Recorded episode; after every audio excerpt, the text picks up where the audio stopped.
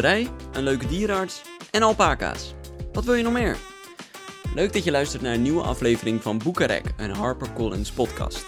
Ik ben Sjors en in deze aflevering verwelkom ik wederom een van de leukste feel-good auteurs van Nederland, namelijk Marijke Vos. Een tijdje terug was Marijke Vos op bezoek bij een alpaca boerderij en hoorde ze een verhaal van een vrouw die een weddenschap met haar zus had afgesloten. De zuster wilde weg uit de grote stad en daagde elkaar daarom uit een ideale woning te vinden op het platteland. Als de woning eenmaal gevonden was, dan was het aan de andere zus om een woning in de buurt te vinden en dan met het hele gezin die kant op te verhuizen. Klinkt bizar toch? Nou, dat dacht Marijke Vos dus ook, maar het klonk ook als een heel leuk plot voor haar nieuwe boek Wedden dat ik blijf. Op dit moment is Marijke aan het genieten van haar zwangerschapsverlof en is de grote vraag: wat komt eerder? Het boek of de baby? Vandaag verwelkom ik in de Boekrek podcast de auteur van het nieuwe romantische boek Wedden dat ik blijf. En dat is namelijk Marijke Vos. Welkom. Hallo, hallo. Hi, leuk dat je er bent.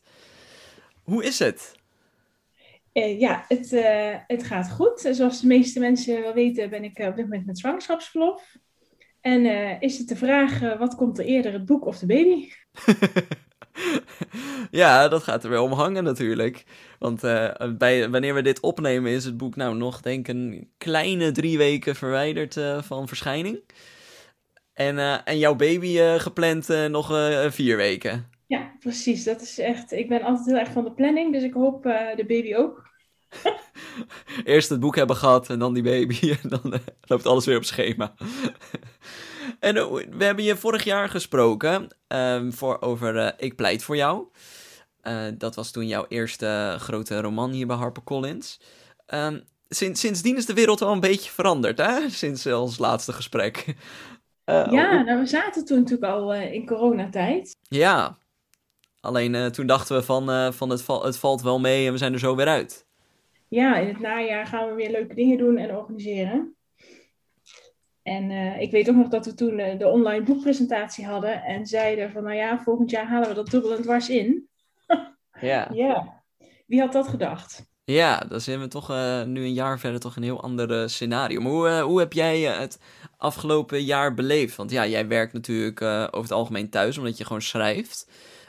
maar zijn er dingen veranderd voor, jou, voor jouw persoonlijke leven? Uh, nou ja, ik, ik ging uh, uh, net voordat corona begon voor, volledig voor mezelf werken, thuiswerken. En ik was toen heel benieuwd hoe ik dat zou vinden om altijd maar thuis te zijn. Nou ja, heel Nederland zit altijd maar thuis nu. Ja. en mijn vriend is ook altijd thuis. Dus wat dat betreft, um, ja, weet ik nog niet hoe het voelt om volledig alleen thuis te werken. Um, maar eigenlijk qua werkzaamheden heb ik, um, ja, ik heb altijd een heel druk sociaal leven en dat viel allemaal natuurlijk weg. Dus ik heb uh, goed tijd gehad om flink door te werken.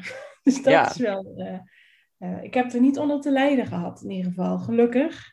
Ik heb goed door kunnen werken en um, um, ja, ondertussen zijn we dus ook een baby aan het maken. Dus ik heb ook alle rust voor gehad om die rustig uit te broeien. Het is geen saai jaar geweest in ieder geval. Nee, ja, wel natuurlijk. Ja, de weekenden zijn saai, weet je, alles lijkt op elkaar. Ja. Maar uh, um, ik heb me geen zorgen hoeven maken en ik heb me ook niet hoeven vervelen. Nee, precies. En dan even een, een, een, boek, uh, een, vraag wat ook met het boek te maken heeft. Een beetje misschien een, een moeilijke vraag. Als jij mocht kiezen, dus kies je dan voor de stad of voor het platteland? Oeh, als je voor, voor mezelf of voor boeken? Om Nee, voor jou. Oh ja, ik ga zelf toch uh, voor het platteland, denk ik. Ik heb in de stad gewoond en ik woon nu, uh, nou ja, nog steeds niet in een klein dorp, maar wel een stuk groener. Ik kom ook uit een dorp. Uh, dus um, ik vind de rust, waardeer ik net iets meer dan de hectiek van de stad. Ja, ja wat, maar je zegt je bent wel een, een sociaal persoon. Je hebt wel mensen om je heen nodig. Uh, is dat dan niet iets wat je aan, aan bijvoorbeeld een stad mist? Um, nou ja, ik denk dat het mooi is uh, waar ik nu woon, is uh, tussen een stad en een dorp in. Dus er zijn genoeg mensen, gelukkig. Of ik uh, eenzaam achteraf op een boerderijtje zou kunnen wonen. Nou, alleen als er een centrum in de buurt is. Ja, precies. Je bent niet van, van een, een, boerderij met een paar hectare en daar zit je gewoon lekker, ja, lekker afgezonderd. Nee, je moet wel kunnen kiezen, denk ik. Ja, precies. Je moet kunnen kiezen tussen gezelligheid, drukte of rust. Ja, en als je dan uh, kijkt naar, naar die rust, uh, ben je dan ook iemand die bijvoorbeeld, uh, nou jullie krijgen nu een kindje, maar ben je ook iemand bijvoorbeeld die, die een huisdier zou hebben? Of heb je een huisdier? Ja, ik heb een kat. En ik ben echt een hondenmens, dus dat is oh. leuk. maar dit was, mijn vriend die wou heel graag een kat en ik wilde heel graag hier wonen. En toen was dat een soort compromis. Uh, dat er dus een kat kwam. En dat is wel heel erg, heel erg leuk. Ik heb wel altijd de droom gehad dat ik dacht, als ik ooit fulltime schrijf, wat ik nu dus doe, dan heb ik zo'n hond die dan naast je ligt aan het bureau en waarmee je dan drie keer op een dag gaat wandelen omdat je inspiratie gaat opdoen. Nou ja, dat heb ik dus niet. Nee. Ah, je kan ook met je kat wandelen, dat doen ook heel veel mensen, toch? Aan zo'n lijntje. Ja, die spartelt wel tegen. maar ben je, een, ben je van nature een dierenmens? Uh, nou, van, van vroeger uit niet echt. Vroeger vond ik alle dieren eng eigenlijk. Oké. ik vond honden heel eng. En ik heb een tijdje op paardrijden gezeten en dat vond ik eigenlijk ook heel eng. Oh, nou, dat is wel knap dat je er dan op gaat zitten. Ja, nou, daar kwam ik pas achter toen ik erop zat. En toen moest ik van mijn ouders erop blijven Oh. dus dat moest ik blijven doen. En ze hadden daar een hond en ze hadden daar een gans, zo'n waakgans. Oh, dat vond ik echt allemaal uh, doodeng. Maar dat is... Ja, die, die, die, ganzen zijn nog erger dan, dan de beste waakhond. ganzen zijn verschrikkelijk. Ja, dus nee, ik heb nog steeds uh, uh, geen goede relatie met gevogelte. Maar verder um, ja, ben ik nu wel veel meer van de dieren. En zeker zo, ja, wat ook in het boek voorkomt, natuurlijk de alpaca's. Maar dat zijn echt geweldige beesten. Dus daar, daar ga ik graag bij op bezoek.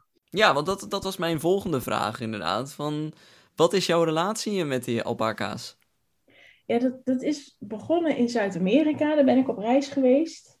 En daar hadden ze uh, nou, voornamelijk heel veel lama's. En dan het, het ja, noemen ze het kleine broertje of het zusje, de alpaca. En uh, daar hebben we die heel veel in het wild gezien. Dat was al superleuk.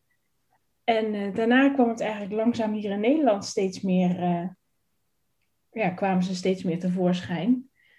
En uh, nou ja, het zijn gewoon, als je ze ziet, ontzettend schattige dieren. Met, met uh, bolletjes wol eigenlijk.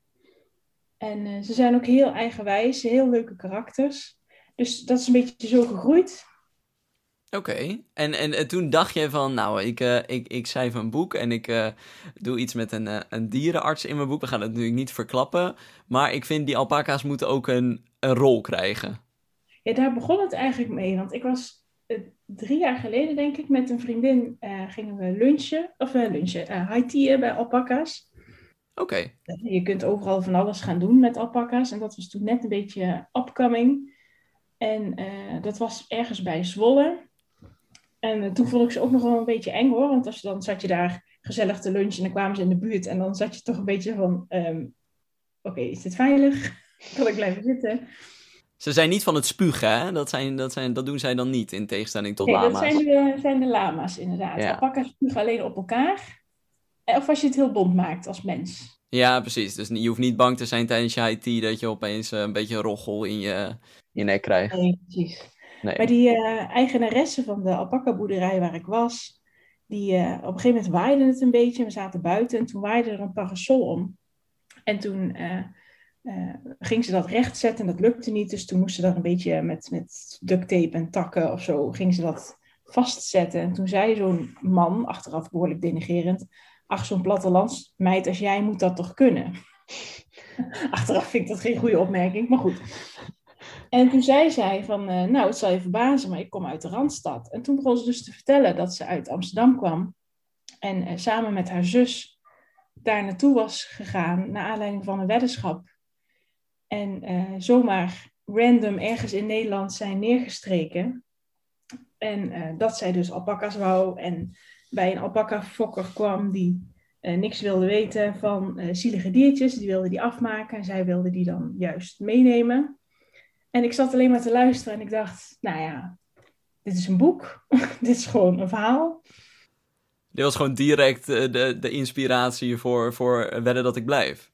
Ja, Dat is, dat is wel apart. Je zit gewoon dus een IT te doen uh, tussen de alpaca's en uh, een random gesprek wordt gewoon de basis uh, voor je nieuwe boek. Ja, zij vertelt even waar ze vandaan komt. En hoe ze daar is. En ze vertelde natuurlijk, haar verhaal was wel anders. En, maar ze vertelde wel iets over zo'n beetje zo'n zagrijnige fokker. En um, um, toen dacht ik zelf van ja, ja, misschien is het wel leuk als die fokker dan juist wel leuk is. Dacht ik, nee, we hebben een dierenarts nodig. En zo is er van alles bijgekomen en weer afgevallen. Maar de basis komt uh, ja, van haar uh, levensverhaal eigenlijk. Oké, en uh, heet zij toevallig ook Debbie? Nou, ze heet Abby. Oh, Abby, oké. En, en, weet Abby dit ook, dat, dat, dat ze nu de basis is van jouw verhaal? Ja, ik heb haar daarna nog een keertje opgezocht en ook verteld. Maar goed, daarna is het dus uh, drie jaar stilgebleven of zo. Uh, dus ik heb haar laatst gemaild van, nou, ik weet niet of je nog herinnert, maar um, dat boek is er dus wel gekomen en hij komt ook uit. En daar was ze eigenlijk heel enthousiast over. Oh, oké. Oh, maar, maar, maar dat, dat, toen je dat verhaal hoorde, want het is dus aan, door middel van een soort weddenschap met, haar, met haar zus uh, gingen ze gewoon een plek in, in, Nederland uitzoeken waar ze dan gaan wonen, zolang het maar buiten de stad is. Uh, is dat iets wat, waar je al, wat je wel vaker had gehoord, of is dit iets wat jij ook zou kunnen? Nou, nee, ik zou het zelf niet zomaar kunnen, want ze hadden afgesproken dat een van de twee een huis moest vinden en de ander uh, moest daar dan akkoord op geven en zelf in een straal van 15 kilometer ook een huis kopen. net zoals in het boek, dat heb ik dus echt letterlijk overgenomen ik zou dat zelf niet kunnen, want ik, uh, ik ben best honkvast inmiddels. ik zou echt niet zomaar random ergens in Nederland willen gaan wonen. Nee. En weet, weet je waar dat bij hun vandaan kwam? Waren ze gewoon de stad zo spuugzat? Of uh, wilden ze per se naar het platteland? Wat, wat, was hun motivatie? Ja, zij wilden heel graag uh, de, de, de natuur in. En um, uh, voor de kinderen een andere omgeving. Dus, eh, want ze hadden allebei een gezin, zeg maar. Ja, die zijn ook gesneuveld. In ieder geval het gezin van de hoofdpersoon is gesneuveld. Um, ja, en het, ik, denk dat het, uh, ik denk dat het doorgaans uh, in het echt behoorlijk avontuurlijke dames zijn.